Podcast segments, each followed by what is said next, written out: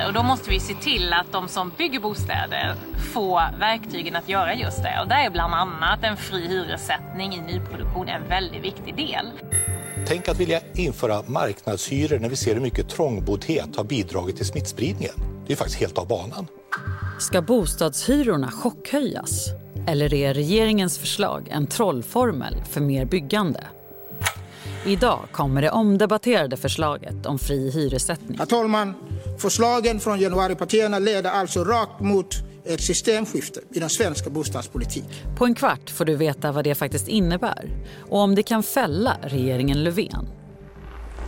Det är fredag den 4 juni och jag heter Annie Reuterskiöld. Det här är dagens story från Svenska Dagbladet.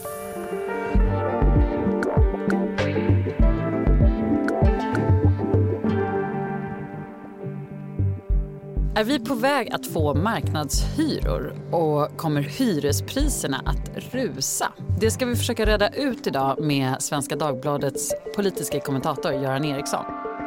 Men jag tänkte att vi börjar i eh, sakfrågan, Göran. Det är väldigt många som pratar om marknadshyror nu. Håller Sverige på att gå över till ett annat system vad gäller hyressättningen? Je, nej, ja. Det är väl svårt att säga. Vad som pågår nu är en sorts eh, spinndoktorernas kamp här där januaripartierna eh, vill reformera eller göra om hyressystemet. En del, förslaget som ligger är inte så radikalt som det beskrivs.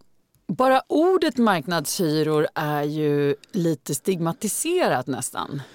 Ja, det är ett sånt där icke-ord. Det är ett sånt där som, som man kan väl ta in det i, i det, det, stora antal ord som de nya moderaterna svalde ner. Bannlös. Hur säger man? Lyste. Bannlyste. Inför 2006. Det var så här, saker vi slutar prata om. Det är ett känsligt ord. Det är lätt att mobilisera mot marknadshyror. Och det är det som händer just nu också. Hyrorna är redan dyra. Upp till kamp mot marknadshyra. Det finns ju en ganska bred enighet bland ekonomer, jag tror också bland ganska många bostadspolitiker, även myndigheter, även Boverket har varit inne på det, att det skulle kunna bidra till att det byggs mer bostäder i Sverige om man införde ett marknadshyressystem. Men, men det är ju väldigt lätt att beskriva motsatsen, att det kommer ju, så är det ju, det kommer ju innebära höjda hyror, särskilt i attraktiva områden. Så det är väldigt lätt att beskriva det som är dåligt med det. Och jag menar, ingen väljare tycker, tycker ju, även om de inte berör det själva, så är det rätt få som går upp och tänker att höjda hyror vore en bra grej nästa mandatperiod. Liksom. Vill du ha höjda hyror nästa år? ja, precis. En del uppgifter från utredningen om fri hyressättning vid nyproduktion är läckta redan på förhand. Och som det ser ut kommer förslaget ligga nära det regeringen, Centern och Liberalerna kom överens om i januariavtalet. Den stora skillnaden från idag skulle bli att hyresvärdar på egen hand kan sätta hyrorna för nybyggda bostäder istället för i en kollektiv förhandling. Du vill chockhöja hyran för ensamstående mammor. Jag flika in en, en fråga här? För att du, du... Förslaget som ska presenteras idag skulle bara påverka runt 1% av hyresbeståndet. Men många, framförallt på vänsterkanten i svensk politik, tror att det här är ett första steg mot liknande regler för hela hyresmarknaden. Alltså, så här tror jag, om, om det här förslaget som, som är på väg, om det stannar där, då tror jag inte ens att Vänsterpartiet skulle hävda att det skulle bli så enormt dramatiska effekter. I alla fall skulle det ta väldigt lång tid. Däremot så tror de ju att det kommer mer, att det här är liksom the first step. Men det finns några ekonomer som är väldigt engagerade för att man ska införa marknadshyror. De, de beskriver det här som ingenting. Det här kan man lika gärna strunta i. Det kommer ta en evighet innan vi får någonting som kallas för marknadshyror med det här förslaget. Menar de. Så att verklighetsbilderna är ju så diametralt olika. Men i Finland till exempel, där har man ju ett annat system. Ja. Och Vänsterpartiet brukar peka på det i avskräckande exempel. Ja. Men i Finland sa man samma sak. Men skillnaden med Finland är att Finland tog ju också ett liknande steg men sen så tog de också det andra steget, det vill säga att de införde marknadshyror generellt. Eh, och det är klart, gör vi det så, så är det väl mer relevant att jämföra med Finland. Det, det finns ju ännu inte något sådant förslag framme i Sverige. Anta att ni träffar ett ungt par som ber om råd och de vill gifta sig, men de har ingen bostad. Och de är heller inte rika. Vilket råd ger ni dem då? De får ju ställa sig i bostadskön givetvis. Men vad vill väljarna då? Om man frågar väljarna om eh, marknadshyror? Eh, de undersökningar jag har sett så gillar väljarna inte marknadshyror. Det, det är väl så med det också att det beror på hur man frågar. Eh, väljare gillar ju inte som sagt de gillar inte idén om höjda hyror. Ehm, man kan ju också tänka sig att om till exempel Hyresgästföreningen ställer frågan ja. Eh, så påverkar det hur ja. man svarar. Ja men så är det. De undersökningar jag har sett är just Hyresgästföreningen som har frågat. Eh, det är klart om, om du skulle vara fastighetsägare, om du skulle ställa frågan vill ni att det ska byggas fler bostäder och skulle det då vara värt att ändra hyresregleringen då kanske man skulle få andra svar, så är det väl. Men, men jag tror, det, det enkla svaret, det finns ju inget starkt tryck underifrån för att införa marknadshyror. Det gör det inte. Och vi tycker att det är på hög tid att protestera för att det, det börjar bära ur med hyrorna nu. Alla de tidigare allianspartierna är positiva till en friare hyressättning. Alltså att ge hyresvärdar mer makt att bestämma hyran i relation till marknadsvärdet. En riktning som inte heller Sverigedemokraterna utesluter. Vänsterpartiet är starkt emot och trots att regeringen nu går fram med det här förslaget om friare hyressättning är varken Socialdemokraterna eller Miljöpartiet för ett helt system med marknadshyror. Det här handlar inte bara om hur vi ska bo utan även vilken regering vi ska ha. Hur kan det vara så? Det är ju för att det här är en av de frågor som Vänsterpartiet, det var en av de två röda linjer som man drog upp när man lät Stefan Löfven bilda regering 2019. En andra var arbetsrätten och det här hyres, hyreslagstiftningen. Då. Och om man ändrade någon av dem så skulle Vänsterpartiet försöka fälla regeringen.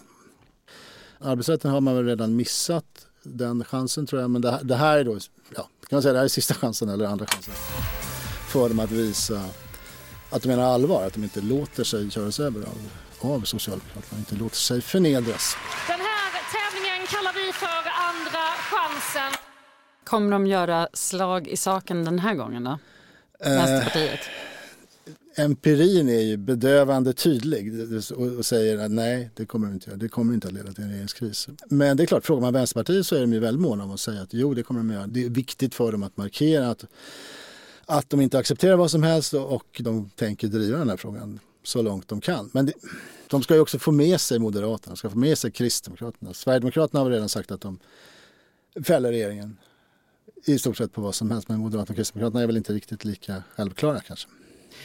Men om man tittar då på vad Moderaterna skulle vilja i den här situationen och vad Vänsterpartiet vill. Det känns ju som en ohelig allians som vanligt, men även om vi har börjat vänja oss vid den. Ja. Jo, så är det ju. Alltså, Vänsterpartiet vill ju egentligen då inte avsätta, eller de vill ju gärna hellre ha den här regeringen än, en, en moderatledd regering förstås. Men de vill stoppa politiken i det här fallet, eh, hyresförändringarna. Medan Moderaterna vill tvärtom, de vill släppa igenom det här men fälla regeringen. Och, hur det där ska gå ihop är ju rätt svårt att se. Eh, LAS-diskussionen var ju väldigt lik det här och där var ju jag skulle säga att Moderaterna rätt länge spelade med. Jo, men vi kommer, jag fäller dem för vad som helst var liksom Kristerssons linje. Men sen när det började närma sig skarpläge så var det plötsligt besked. Nej, vi vill inte bli Vänsterpartiets nyttiga idioter. Vi kommer inte att stoppa en LAS-reform. När effekten blir att den här regeringen ändå kommer att sitta kvar eller kommer att komma tillbaka. Ja. Och det är, den problematiken har Moderaterna här också. De riskerar, igen, riskerar även här att bli nyttiga idioter till Vänsterpartiet. Så vad lutar det mot då? Det lutar åt att det kommer att vara väldigt mycket upphetsning och oväsen och Vänsterpartiet kommer att mullra.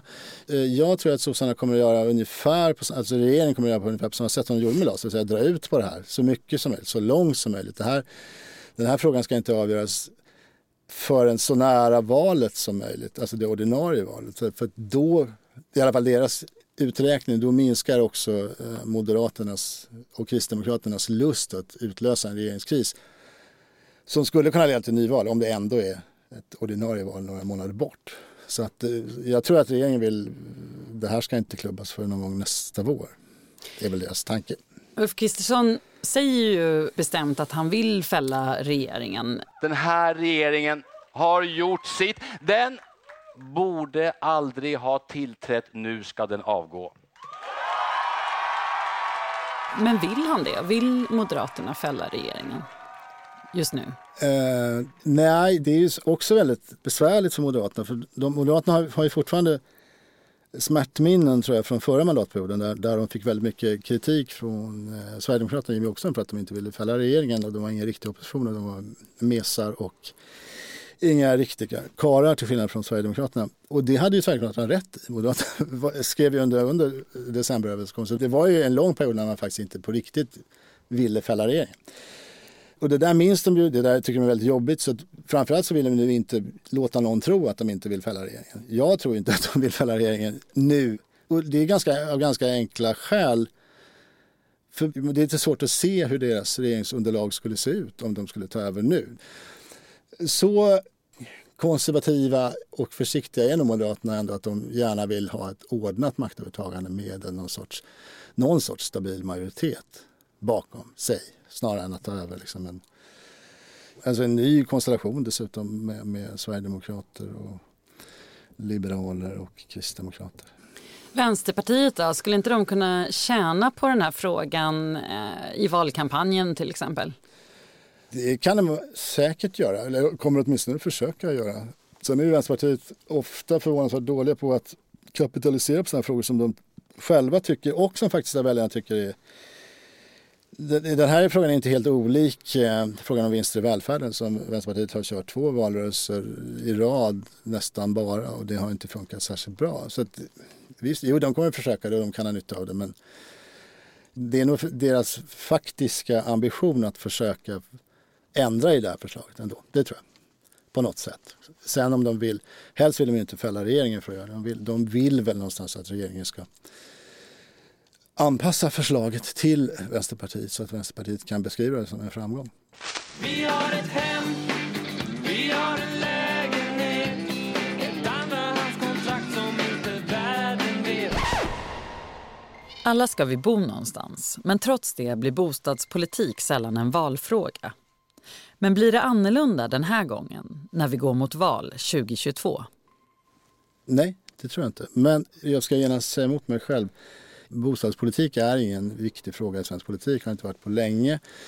I praktiken har bostadspolitiken avskaffats någon gång på 90-talet. Ingen, ingen politiker, i alla fall ingen finansminister vill ha tillbaka den. Det kostar bara en massa pengar. Och det är ingen fråga som engagerar folk i någon högre grad. Om du tittar på mätningar, det finns, du hittar aldrig bostadspolitik på topp 10 ens i de här mätningarna vad som är viktigaste frågor. Det som har hänt nu, som möjligen kan bidra till att mobilisera den här frågan, det är, det är ju det att förutom den här eviga molande hyresrättskrisen eller bostadsbristen i storstäderna så kommer ju också den här prisexplosionen, pandemins eh, påverkan på, på bostadspriserna. Och det gör ju att det, är stängt, du, du, kommer inte få komma över en hyresrätt på något vettigt sätt, det har du aldrig gjort men det kommer du inte göra nu heller. Eh, vägen att gå runt det där och köpa någonting blir också svårare. Det, det, du måste liksom låna en jävla massa pengar om du ska köpa en bostadsrätt nu i, i några av våra storstäder. Så det kan naturligtvis göra att det här, hela bostadsfrågan blir mer akut någonstans. Det skulle kunna bidra till att det blir en fråga i valet. Det är ju lite konstigt att det inte känns som en angelägen fråga när bostadspolitiken skär igenom så många andra frågor som är intressanta nu, till exempel integration. Ja. Jag tror att den, den, är, den är väl lite för komplicerad. Den är, den, är, den är svår att mobilisera kring. Det som är lätt att mobilisera kring det är ju just marknadshyror. Det är väldigt lätt att säga marknadshyror betyder höjda hyror. Vill ni ha höjda hyror? Nej, det vill vi inte. Däremot att förvänta sig att den vanliga väljaren skulle ha en entydig och klar uppfattning av hur man ska göra om man vill att det ska byggas fler bostäder. Inte ens du och jag som jobbar med det här kanske vaknar varje morgon och har en klar bild av hur det ska gå till. Och det, det tror jag inte vanligt folk har heller. Liksom. Så det är, en ganska, det är en komplex fråga. Uh, Okej, okay, men vi har pratat mycket om Vänsterpartiet och Centerpartiet nu. Men solen i svensk politik, Socialdemokraterna. Ja, alltid. uh, vad vill de? Ja, men i det här fallet så vill de väl, de vill väl som alltid framförallt behålla sitt attraktiva kontrakt om man ska tala bostadspolitik. Uh, och ja, jag tror ambition, den enda ambitionen de har är väl att försöka stöta bort så få väljare som möjligt. Men då är det svårt att driva marknadshyrelinjen då, om, om vi ska summera det vi har pratat om? Absolut, men ingen säger marknadshyror. Du kommer aldrig höra en sosse säga marknadshyror. Det är, inte, det, är inte, det är inte marknadshyror, det är fel att beskriva det så. De säger ju friare prissättning i nyproduktion, eller hur? Just friare hyressättning i nyproduktion. Kioskvältare. ja, nej men det, det, det Alltså de kommer i så hög grad som möjligt försöka beskriva det här som händer som, som att man, man utvecklar den svenska hyresmodellen men man går absolut inte i riktning mot marknadshyror. Tack för att du kom hit, Göran Eriksson. Tack själv. Tack själv. Vi som gjorde programmet idag är producent Daniel Persson Mora, redaktör Maria Jelmini och jag heter Annie Reuterskiöld.